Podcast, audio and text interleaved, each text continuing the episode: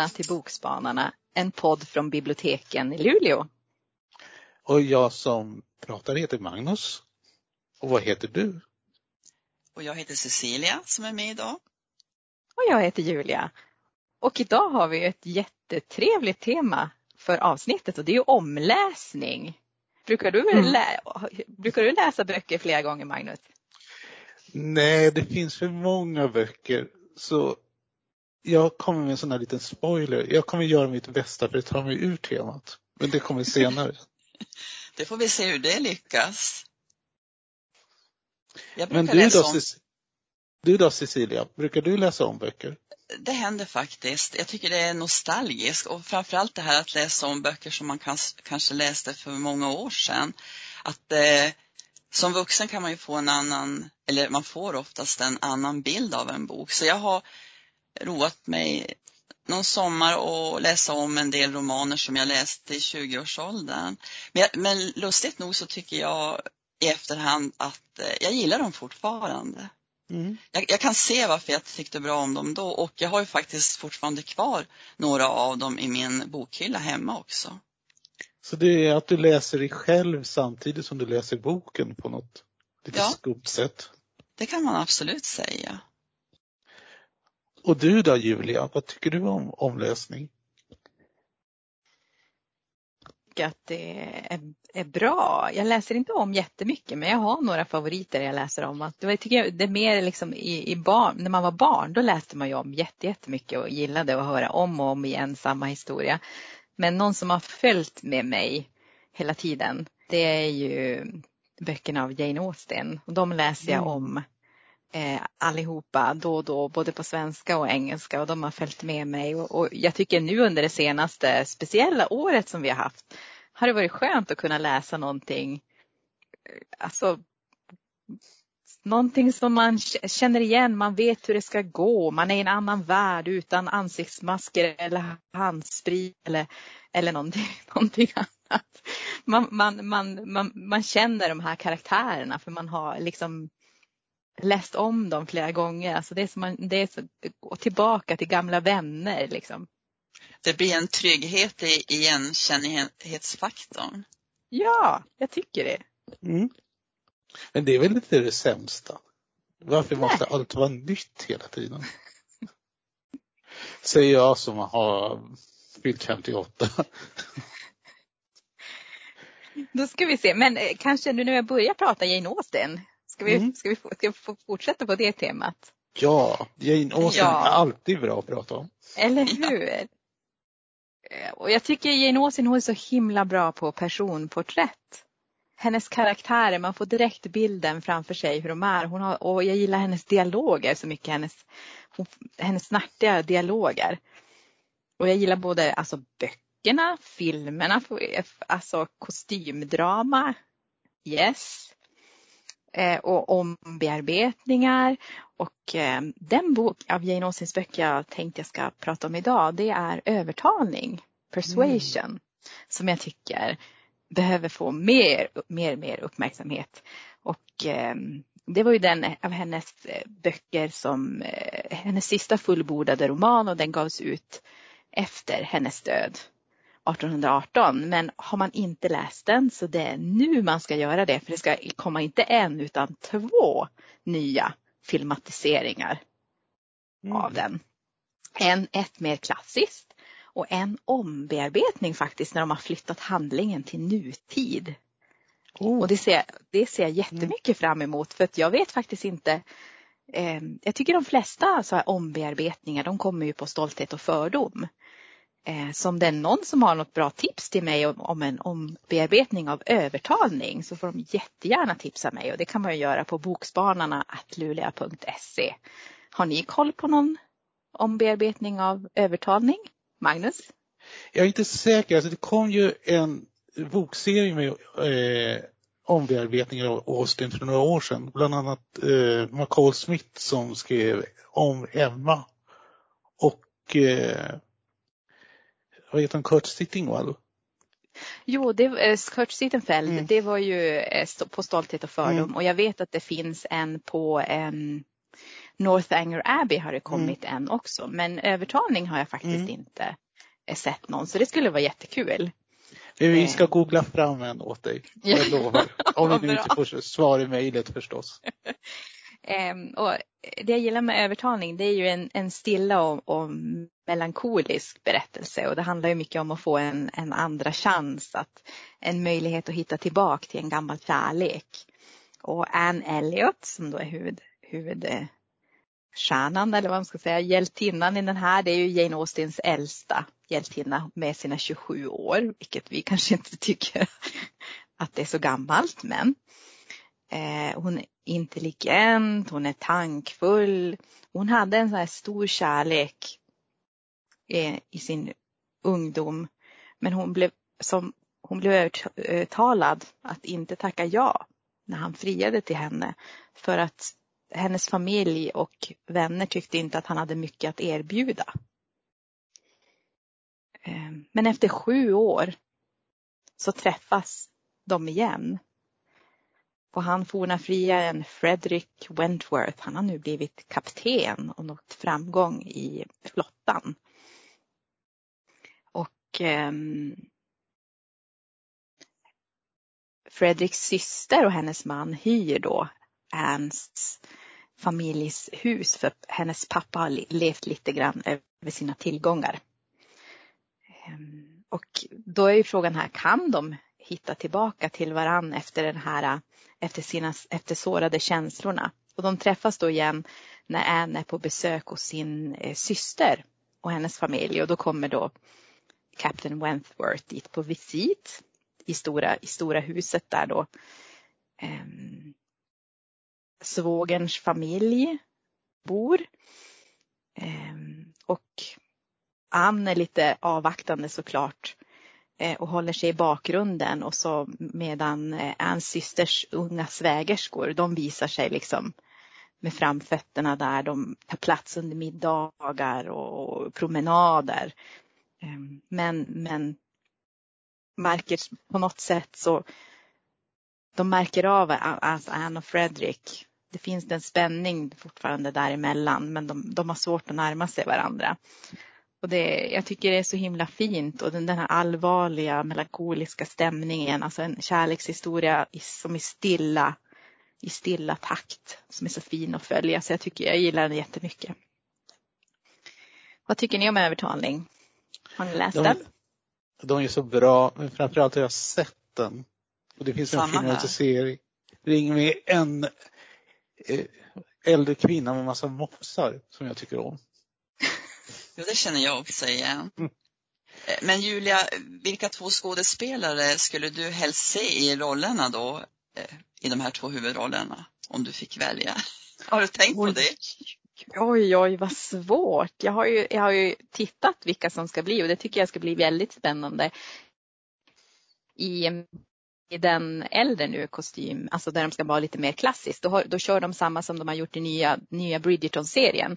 Att de gör en casting som är lite mer, alltså där de inte tänker på, eh, vad heter det, ursprung på skådespelarna utan de kan ha vilket ursprung som helst som jag tycker ska bli jättespännande. Och sen i nya versionen är det faktiskt, tror jag att det är hon som, vad heter hon, hon som spelade huvudrollen, kvinnliga huvudrollen i 50 shades of Grey.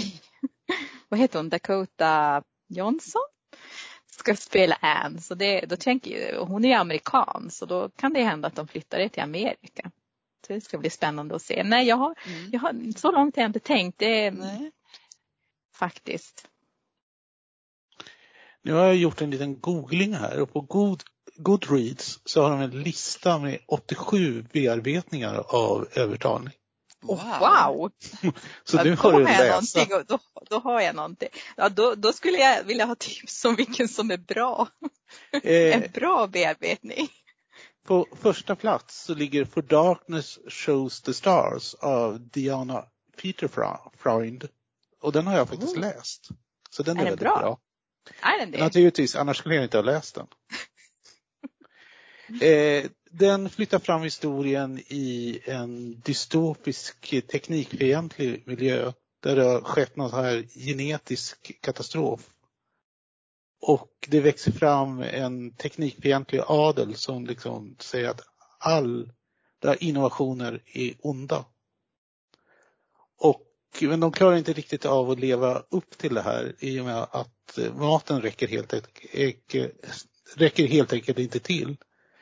Så då börjar de med en sån där försiktig genmodifiering av eh, vetet. Och sen så kommer det besökare från de fria kolonierna som har eh, sådana här genet eller modifierade kroppar, väldigt snygga ögon som lyser i mörkret. Vars är kärlekshistorien i det här? Kärlekshistorien. Vart har vi Anne och Fredrik?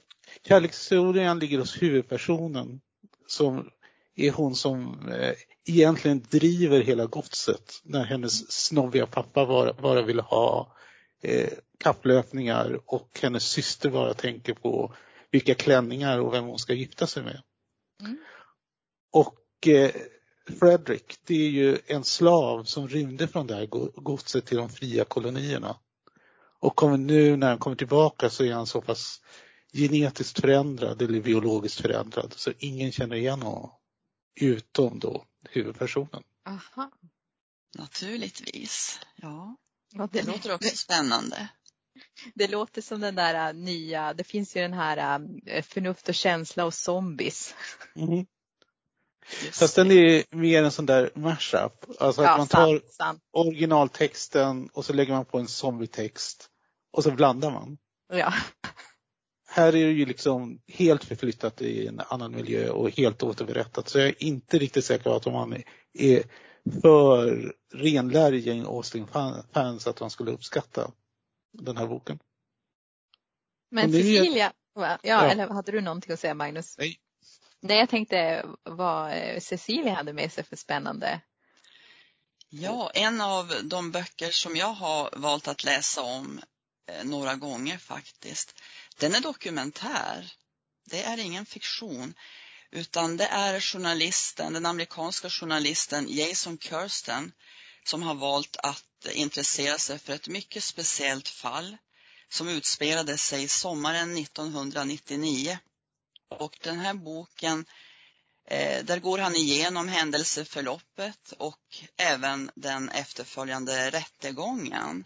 För det var ju nämligen så här att den här sommaren 1999 så beger sig två unga vänner, Raffi och David, eh, de gör en bilresa tvärs över USA och spontant när de kommer till New Mexico så bestämmer de sig att de ska gå en markerad led i öknen som heter Rattlesnake Canyon. Och eh, det går väldigt illa för dem. De går vilse ändå fast den här eh, leden är markerad. Eh, den är tydligen belägen i en sprickdal i öknen i New Mexico, 8 kilometer lång och drygt 200 meter djup och fullständigt uttorkad. Och marken beskrivs som stenig och bitvis täckt av kaktusar och väldigt ogästvänlig terräng. Men eh, ja, de triggar upp varandra och, och tänker att de ska testa det där och det är ju jättevarmt under de här dagarna. Eh, i alla fall, fyra dagar senare, det här är augusti 1999, fyra dagar senare eh, så kommer det en räddningspatrull till Rattlesnake Canyon. Och eh, när de då kommer dit, då möter de den ena av de här två unga männen. De var studiekamrater, eh, Raffi. Och då säger den här från räddningspatrullen, eh, och, och var är David någonstans? Eh, ja, han ligger där borta, svarar Raffi, eh, under stenröset. Eh, jag har dödat min bästa vän. Jag har dödat honom. Eh, men varför det? Jo, han bad om det. Eh, och då visar det ju sig, eh, enligt då den här eh, överlevande mannens berättelse, de har ju de har ju fortsatt gå, de har gått vilse, de har ingenting att dricka. Och eh, den här andra mannen eh, har tagit mer stryk då än han som överlever. Eh, och enligt han som överlever då så har han till slut mått så dåligt så att han har dödat honom av barmhärtighet. Den här boken är lika spännande som vilken deckare som helst och naturligtvis blir det en extra dimension att veta att det här hänt, har hänt på riktigt. Och den här Jason Kirsten, han gör ett fantastiskt jobb tycker jag. Det är en väldigt välskriven roman. Han har satt sig in i det här fallet och han har ju även gått igenom alla rättegångsprotokoll så att eh, ungefär halva boken består ju av rättegången och jag ska inte avslöja här eh, hur, hur det slutar. Eh, men det här är en, för mig en bok att läsa om och för er som lyssnar och inte har läst den, läs den. Och då ligger bollen hos mig. Och jag är ju en sån här helt ny bok som jag vill prata om. Och då tänker jag sådär att omläsning, det är ungefär samma sak som att läsa om. Och jag har läst om Västerbottens Versailles. Så då måste jag ju få prata om det. Så boken jag ska prata om den heter Den glömda trädgården, Dr. Strömborgs Versailles i Dorotea av Agneta Gustafsson. Visst kom den bara här om året, i fjol eller? Eh, den kom i fjol. Så den är nästan ny, eller i varje fall för mig är den väldigt ny. Eftersom jag oftast tycker om att läsa saker som har varit döda i tio år eller något sånt där. Det är inte lika mycket tuggmotstånd när de börjar ge med sig. Eh, I varje fall den här boken, den är, vad ska jag säga, den börjar med ett barndomsminne. För hon som har skrivit boken, hon har arbetat som journalist och under sin barndom så bodde hon en sommar i Dorotea i Västerbotten. Och därifrån så hade hon minne av en trädgård som hon lekte i. Alltså en fantastisk trädgård. Så hon beslöt sig för att återvända till Dorotea och leta reda på den här trädgården. Och eh, det visade sig då att det var den dåvarande provinsialläkaren doktor Strömborg som hade anlagt den här trädgården. Därför att barnen i Dorotea skulle ha någonstans att kunna leka och rasa ut och liksom ha en, ja, en fantastisk barndom. Hans döttrar, de, när de berättar om sin barndom, det är ungefär som Mumindalen, liksom, med den här trädgården fylld med små eh, skrymslen och hur de ramlar ner från björkar och går och lägger sig klockan fyra på morgonen och ja, jag visste inte riktigt att 30-talet var så frisläppt. Och eh, Dr. Ström, de, då, kopplingen till Versailles kan man ju liksom undra då. Men han har faktiskt utgått från The Grand Canal i Versailles och gjort någon slags liten reproduktion av den i Dorotea. Och det låter ju jättekonstigt för jag tänkte, jaha, det där tror inte jag på. Och så när man sitter och tittar i boken så på ena sidan är det en bild av Le Grand Canal och på den andra sidan är det en bild av trädgården. Och så tänker jag först, jaha det där är ju två betongbytor. Och så vänder jag tillbaka och tittar på Grand Canal och så tittar jag på den. Alltså vad jag ser efter ett tag, det är faktiskt Grand Canal fast en mycket, mycket, mycket minimal Grand Canal. Alltså det kan stå två människor ungefär på varsin sida om det och ta i varandra. Och boken är, förutom att det då är liksom berättelsen om den här trädgården, en barndomsminne, det är också en gestaltning i hur man eh, skriver en bok. Alltså man får följa författaren, liksom, hur hon besöker Riksarkivet, hur det känns att liksom gå ner i valvet och få de här sakerna framplockade. Eh, så det är en sån där taktil bok på alla sätt. Det är fantastiska foton av dem med dansande små barn i LV-klänningar. Och det enda som verkligen är synd, det är att trädgården finns inte kvar. Den revs bort på 60-talet. Men i en liten skogsdunge så står i varje fall tornet som de byggde. Så den kan man fara förbi och titta på. Om man vill. Och så måste jag lägga till sån där kul fakta som inte jag kände till på slutet. Att de tre västerbottniska orterna, Fredrika, Dorotea, Vilhelmina, är faktiskt uppkallade efter en och samma drottning. Hon hette det. Fredrika Dorotea Vilhelmina av Baden. Mm. Det, visste inte heller. Nej. Är det här en rikt illustrerad bok? Är det många fotografier både från förr och nu? Eh, det är både fotografier från förr och nu och det är väldigt mycket, vad ska jag säga, excentriciteten i den. Alltså det finns väldigt märkliga sådana här fotografier med människor som äter middag i kostym och i långklänning och så eh, kravlar runt nakna bebisar på golvet. Alltså, det, det finns någon sån här hejdlöshet i den. Ibland, om man ser på förnuftet så kanske hon eh, bygger lite väl mycket höna av en fjäder och att det blir lite för mycket gestaltning när hon liksom försöker visa vad de pratar om vid middagsbordet och, och sånt där. Men samtidigt den är så charmig så det är verkligen vägen till ett förflutet som jag aldrig har haft men som jag nu har fått. Jag håller med dig. När jag hörde talas om den där när den kom ut så upplevde jag också att, att den var värd att läsa, att den verkade charmig. Eh, vad var hennes reaktion när hon kom tillbaka, eller när hon kom dit efter så många år? För att titta på den här platsen. Det är ju sorgen då, i och med att eh, hela trädgården är ju borta. Alltså de rev bort eh, bassängerna någon gång på 60-talet och då levde alltså doktor Strömbom. Så han såg alltså hur de förintade hans trädgård. Och sen byggde de en, eh, personalbostäder ovanpå det. Men samtidigt så är det väl också, alltså hon som journalist så jag tror att hon uppskattade att det fanns en liten utmaning, liksom det där att återskapandet har varit en stark eh, drivkraft och det är också det som gör att den är rolig att läsa. Alltså hon lägger pussel, hon besöker folk som har ett litet foto som de får prata lite grann om eller så ja.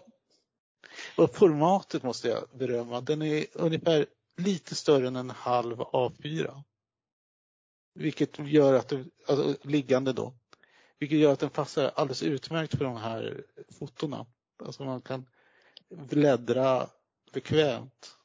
Och i och med att det är avlångt format så kommer fotona till sin rätt. Eh, framkommer det någonting hur lång tid hon arbetar med det här researcharbetet inför boken och under tiden? Eh, jag kan inte säga det spontant, men jag tror inte att det är mer än ett år. Alltså, jag tror att den är skriven under en ganska kort tid. Okej. Okay. Vilket jag tror också faktiskt bidrar till känslan av fräschhet i den. Alltså att man ser den verkligen genom hennes ögon och att hon inte har hunnit tröttna på materialet innan hon har varit färdig med texten. Ja, vad ro. Det lät, låter ju som en charmig bok. Känn, har vi någonting mer att säga om omläsning? Ja, vi kan ju återupprepa alltihopa igen och igen och igen. Nej, det var... Vi kan ju återupprepa. Jag, jag tror att det räcker. Ja, eller hur? Det tänkte jag också. Vi får göra det. Jag kan börja med att berätta att jag eh, vill tipsa om övertalning av Jane Austen. Och jag, Cecilia, jag vill tipsa om eh, Jason Kirstens bok Den dödes dagbok. Och jag har då tipsat om Den glömda trädgården, Dr. Strömborgs Versailles i Dorotea av Agneta Gustafsson. Ja, då var det allt för den här gången. Hej då! Hej hej!